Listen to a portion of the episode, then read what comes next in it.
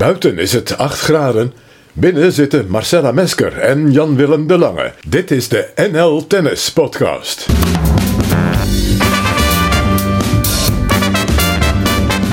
Hallo en welkom bij de NL Tennis Podcast. Mijn naam is Jan-Willem de Lange en aan de andere kant van de lijn, en dus niet bij mij aan tafel dit keer, zit eh, Marcella Mesker.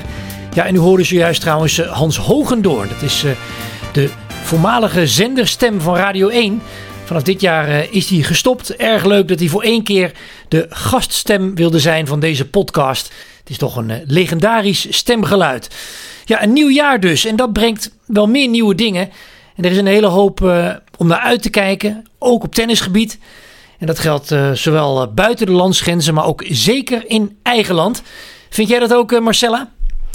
Ja, zeker. En nog even terugkomend op uh, Hans uh, Hogendoorn. Wat een uh, geweldige stem is dat. En waar hebben we er altijd van kunnen genieten. En hij gaat gelukkig nog door hè, bij het Oog op Morgen. Maar inderdaad, eigen land. ja, we gaan ons eens richten op de goed presterende Nederlandse tennissers. Want ja, na Kiki Bertens, sinds zij gestopt is, gaat het toch bijzonder goed. De mannen, maar toch ook in het bijzonder Aranska Rus. Nummer 1 bij de Nederlandse vrouwen. Nou, je weet, we zijn samen eind vorig jaar naar Barcelona afgereisd. Om een uh, mooi achtergrondverhaal met uh, haar te maken. Met haar uh, succescoach. En ja, haar vertrek natuurlijk uit Nederland. Julian Alonso, die zo'n belangrijke persoon in haar tennisleven is. En de sleutel van haar succes. Dus dat was een mooi reisje. Dat levert dus onder meer deze geel-rood gekleurde aflevering op. we doken Catalonië in, je zei het al eventjes.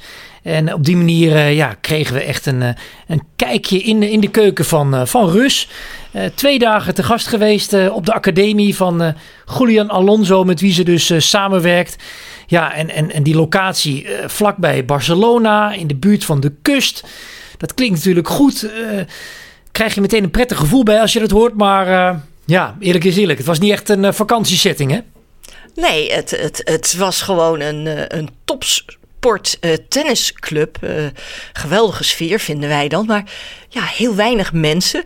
Uh, dan moet ik ook zeggen, het weer was niet al te goed. Zo, zo 10, 11, 12 graden. Dat viel tegen voor Barcelona. maar desalniettemin, daar wordt daar gewoon doorgewerkt, doorgetraind. En die club, Club Els Corks, beetje moeilijke naam, ligt zo'n 55 kilometer ten noorden van uh, Barcelona. Was zo'n drie kwartier rijden vanaf het vliegveld. Grote club, prachtige club, dat wel. Negen hardcourtbanen, uh, zes padelbanen, ook heel groot natuurlijk in Spanje twee gravelbanen maar, waarvan er eentje naar uh, Aranska Rus is vernoemd. Heel groot uh, zwembad, 25 meter bad. Daar moet uh, Rus ook er baantjes in trekken als onderdeel van haar training. Een groot sportveld. En ook de locatie waar kleine ITF-toernooien of kleine WTA-toernooien worden georganiseerd. Klein dorpje, typisch Spaans, geen poeha. Beetje grauw weer was het. Maar het uh, tennis, mogen we wel zeggen, dat uh, was hartverwarmend. Er komt dan ook nog eens bij dat we natuurlijk een uh, buitengewoon hartelijke gastheer hadden in, in Julian Alonso. Ja, en als je die naam hoort, toch nog even wat meer daarover. Het is een naam die, die vooral tennisvolgers uit de 90s misschien nog iets zegt. hij stond ooit nummer 30 van de wereld.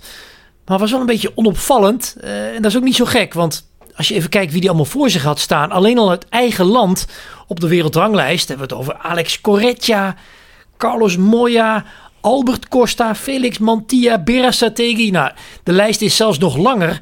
Kun je nagaan. Alonso zelf ook niet, uh, niet de minste. Uh, maar hij hoorde wel bij een echte topgeneratie. Uh, wat ik niet wist trouwens, was dat het zo'n enorme spraakwaterval was. Nee, dat uh, wisten we helemaal niet. We zien hem altijd rustig zitten. Imposante verschijning. Groot, sterk. Dat uh, donkerbruine, bijna zwarte haar. Flinke haardos. En dan een geweldig grote baard. Ja, een beetje angstaanjagend zou je bijna zeggen. Als je hem uh, zo tegen komt. Maar wat een karakter is die man. Wat een gepassioneerde coach. Ja, voormalig topsporter, je zei het. Kwartfinale Roland Garros gehaald. Hele harde werker na zijn carrière. Moest stoppen vanwege allerlei eh, knieproblemen.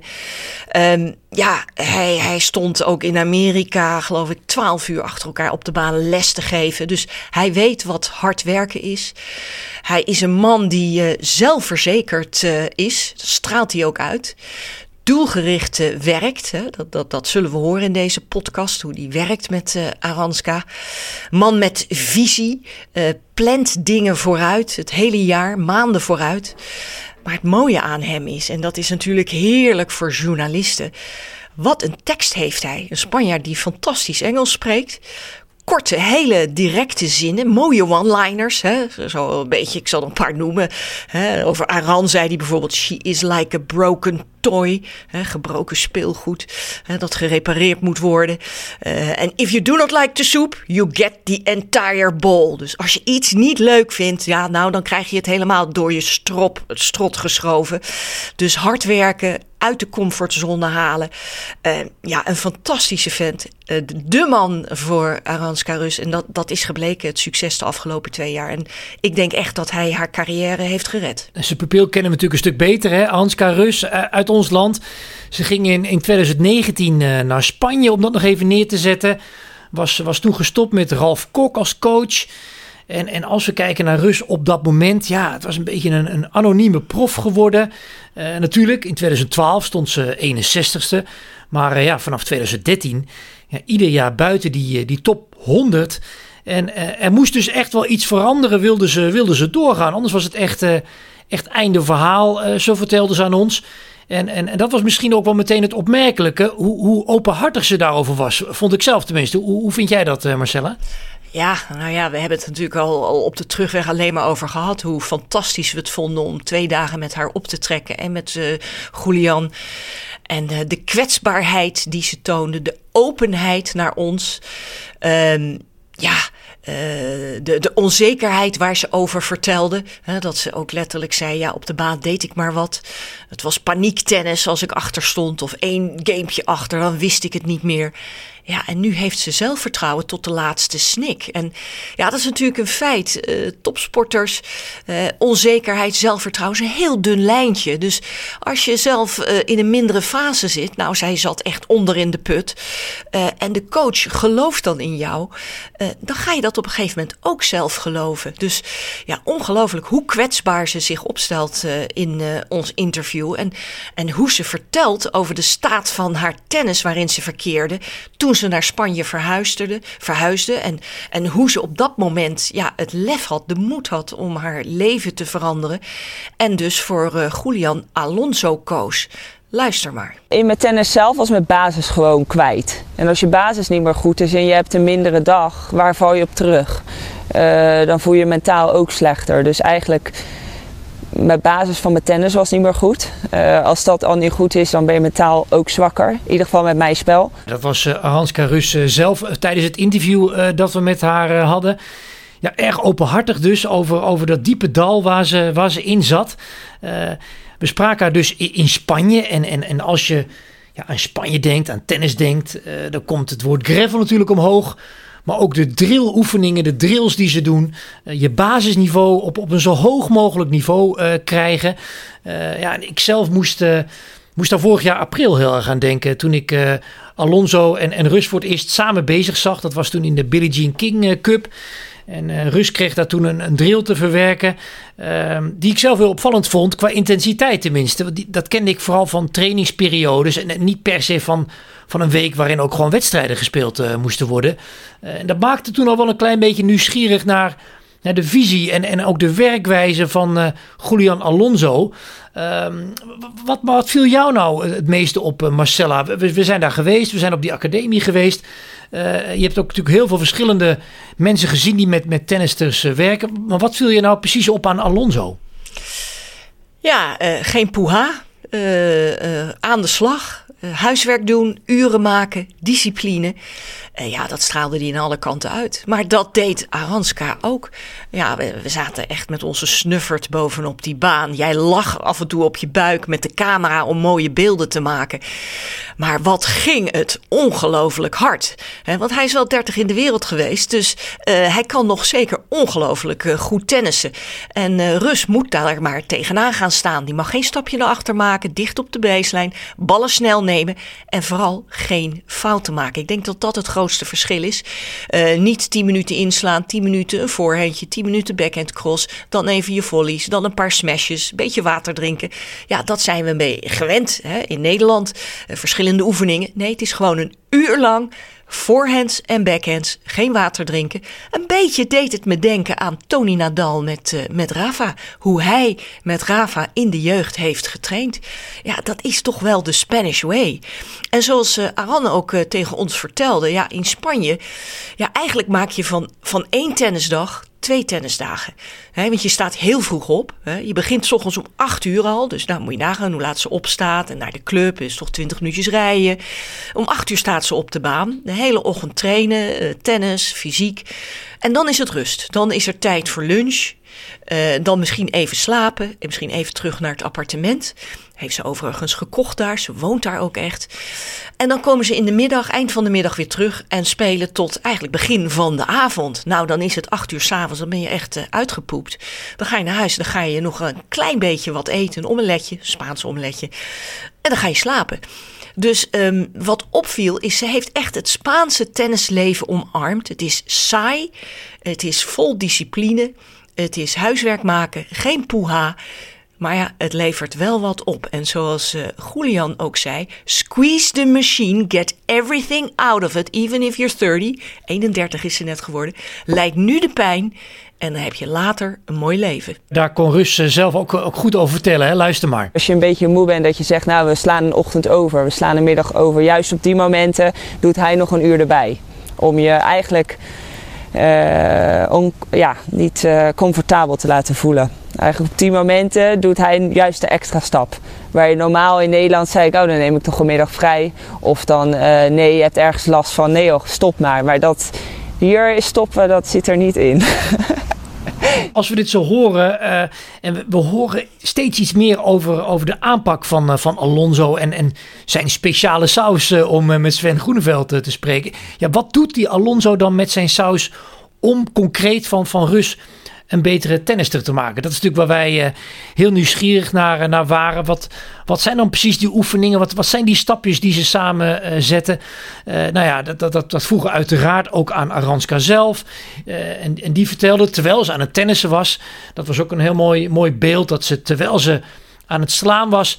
vertelde, ja, ik, ik heb hier geleerd dat, dat die basisbal... die moet goed zijn met een snelle hand, met een snelle arm... En die bal altijd met spin. Dat, dat, dat, was de basis die er echt is ingeramd. Maar uh, niet, niet minder belangrijk, uh, uh, Alonso heeft ook haar service verbeterd. Dit zegt Rus daar zelf over. Mijn service heeft hij veranderd, meer naar mijn, naar mijn backhand greep, want ik zat echt in de, in de voorhand. waardoor mijn service echt meteen toen al stukken vooruit is gegaan, maar nog lang niet waar ik het wilde hebben. Want mijn service, ja, daar was ik echt onzeker over. Maar hij, uh, toen ik hier ook kwam, hij oordeelde er nooit over. Weet je wel, als je soms wel eens ergens komt, dan is het meteen negatief. Maar hij geloofde gewoon in iets en hij ging dat veranderen en dat werkte meteen. Marcella, ik, ik ben wel benieuwd, uh, op wat voor manier vind jij dat, dat Rus vooruit is gegaan? Zijn er specifieke dingen die jij eruit zou willen tillen? Nou ja, nog even terugkomend op die, op die service. Ik kan me herinneren dat Rus tegen Serena Williams speelde bij de US Open. Dat was een prachtige wedstrijd. Ze speelde heel goed. Ze verloor op het nippertje. Ik geloof tiebreak derde set. En die service was toen al een stuk beter.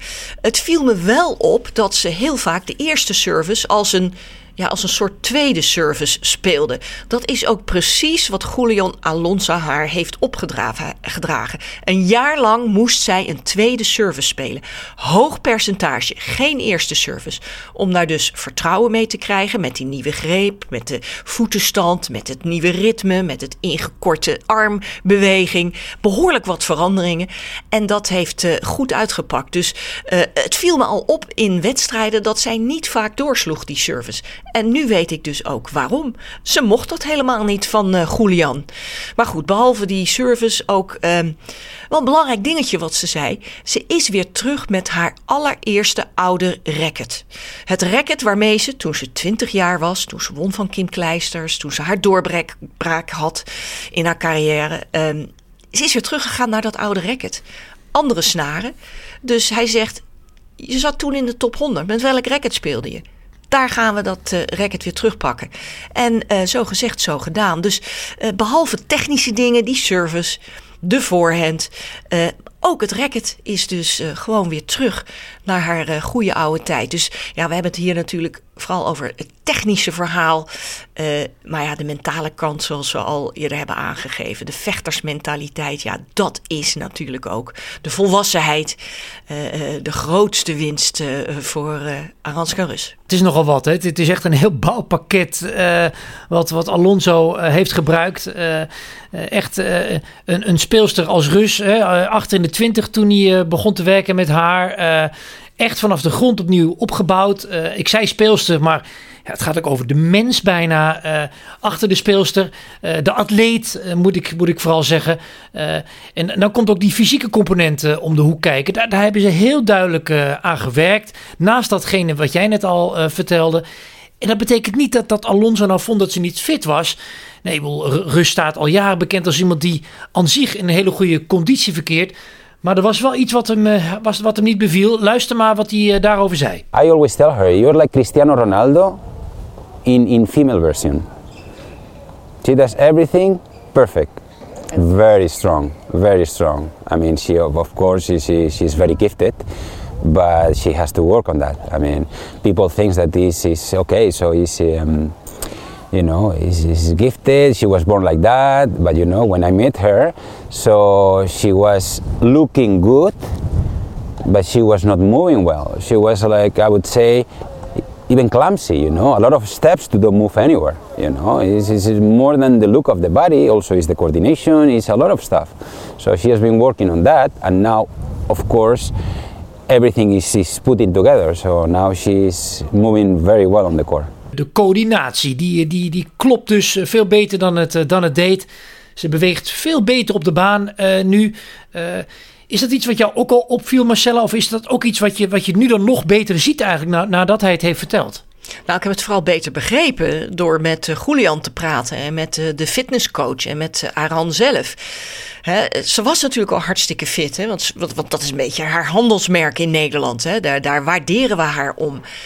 Maar ja, Julian zei van, ja, loop je wel eens hard? Nee dus. Hè? Alleen maar in het krachthonk, de oefeningen.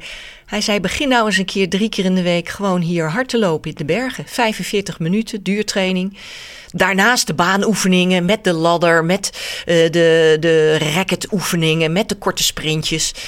Um, ja, dat, dat daarnaast. En daarnaast in het eh, fitnesshonk uh, met gewichten en met springen en met elastieken. Alles wat de moderne tennisser vandaag de dag doet. Maar dat hardlopen buiten. En het zwemmen, ik zei het al aan het begin, ze hebben een 25 meter bad.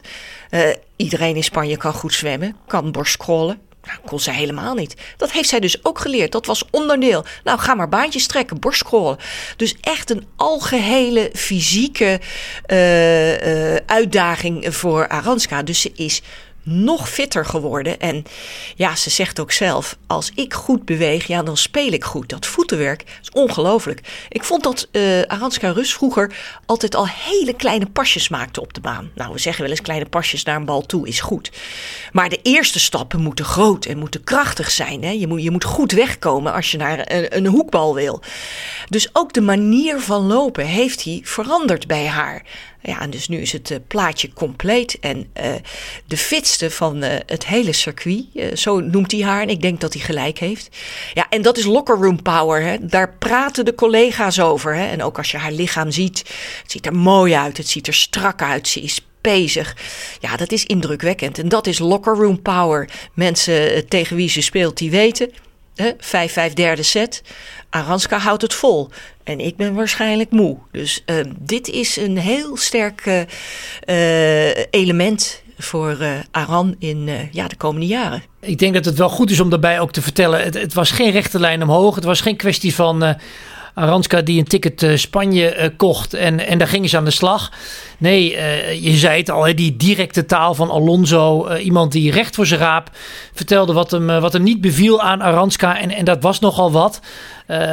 Aranska moest daar echt een dikke huid voor hebben. En ja, dat waren harde lessen. dat ging niet, niet meteen in als, in als koek. Daar was, daar was Rus ook open over In het begin vertelde ze ook echt zoiets, ja, wat, wat, wat praat jij, weet je? Waar, waar heb je het over en, en hoe durf je dit te zeggen? Op deze manier formuleert uh, Rus het zelf. Nou, daar heb ik ook wel een paar keer over nagedacht. Ja, dat ik dacht van, nou, uh, pleur op, weet je wel. Ik, ik doe het zelf wel, maar... Ja, als jij dan weer de, de weken na op zondag met een uh, beker in je hand staat en een toernooi wint... dan heeft dat allemaal wel geholpen en... dan realiseer je ook dat het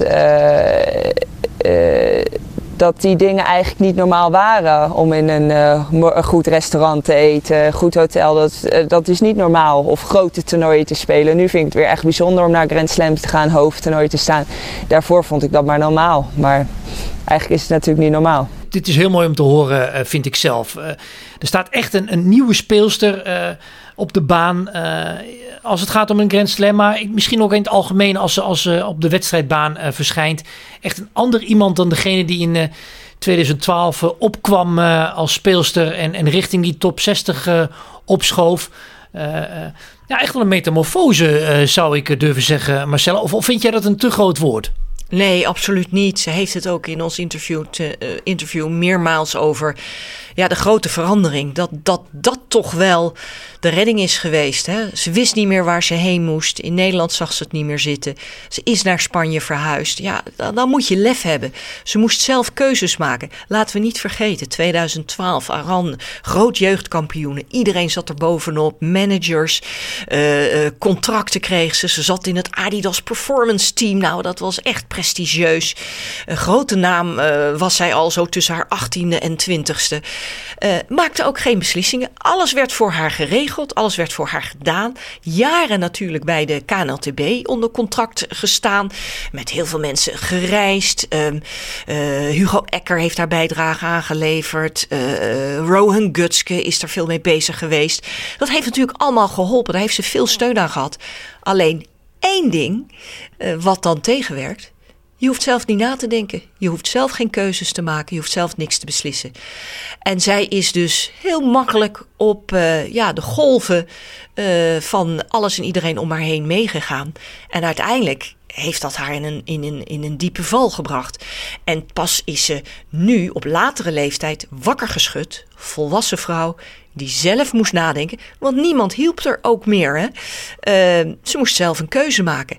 En dit is de keuze die ze heeft gemaakt. En als het van diep uit jezelf komt, ja, dan is het echt. En dat kun je dus zien. Dus een metamorfose. Ja, het, het heeft misschien helaas te lang geduurd. Hè, want ze is nu net 31 geworden. Maar goed, ik denk dat ze nog zeker vijf goede jaren heeft. Uh, top 45 is het doel voor dit jaar, voor 2022. Heeft ze nog de gretigheid? Ik denk het wel. Uh, succes maakt altijd naar meer. En dat succes heeft ze heel erg gehad het afgelopen jaar.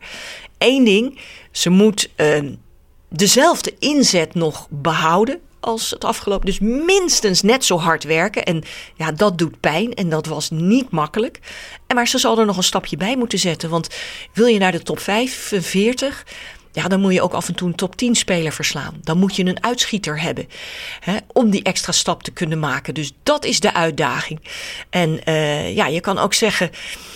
Ze past precies in het Nederlandse plaatje van laadbloeiers. Want ja, daar ben ik nu zo onderhand wel achter. Uh, Nederland is een land uh, waar je een lange adem moet hebben. Uh, om in toptennis succesvol te zijn, moet je niet sprinten, maar je moet een marathon lopen. En Aran heeft, zo heeft ze bewezen, mentaal heel sterk, een hele lange adem. Alonso heeft een heel mooi boekje. Waar zijn lange adem heeft, heeft hij mooi boekje. Daar houdt hij het allemaal keurig in bij. Week voor week. Hoeveel punten moeten er gehaald worden? Waar staat de concurrentie? En hij schrijft het allemaal, zoals hij het zelf zegt, very old school schrijft hij het op. Dus het wordt allemaal uh, minutieus uh, bijgehouden. En uh, nou ja, we, gaan, we gaan dit jaar zien of, of Rus nog een stap kan zetten. dat, zou, dat zou razend knap zijn. Want dan zou ze over haar vorige uh, grootste piek heen gaan. Uh, nou, dat, dat zou, extra, zou het allemaal nog extra spannend maken. Wie na dit verhaal graag meer hoort en, en ziet over, uh, over de samenwerking tussen Rus en Alonso. Nou, dat kan, want we hebben een, een video gemaakt. Marcella verklapt al eventjes dat ik daar met mijn buik op de baan lag. nou, dat was dus voor een video die, die nu te zien is op het YouTube-kanaal van de KNLTB. Eh, ja, ik zou vooral zeggen, ga bekijken. En, en, je kijkt toch een beetje naar, met andere ogen naar, uh, naar Rus als je haar weer eens uh, in actie ziet. Bijvoorbeeld op de Australian Open komende week. Veel kijkplezier dus. Voor nu bedankt voor het luisteren en tot de volgende aflevering. Dag dag.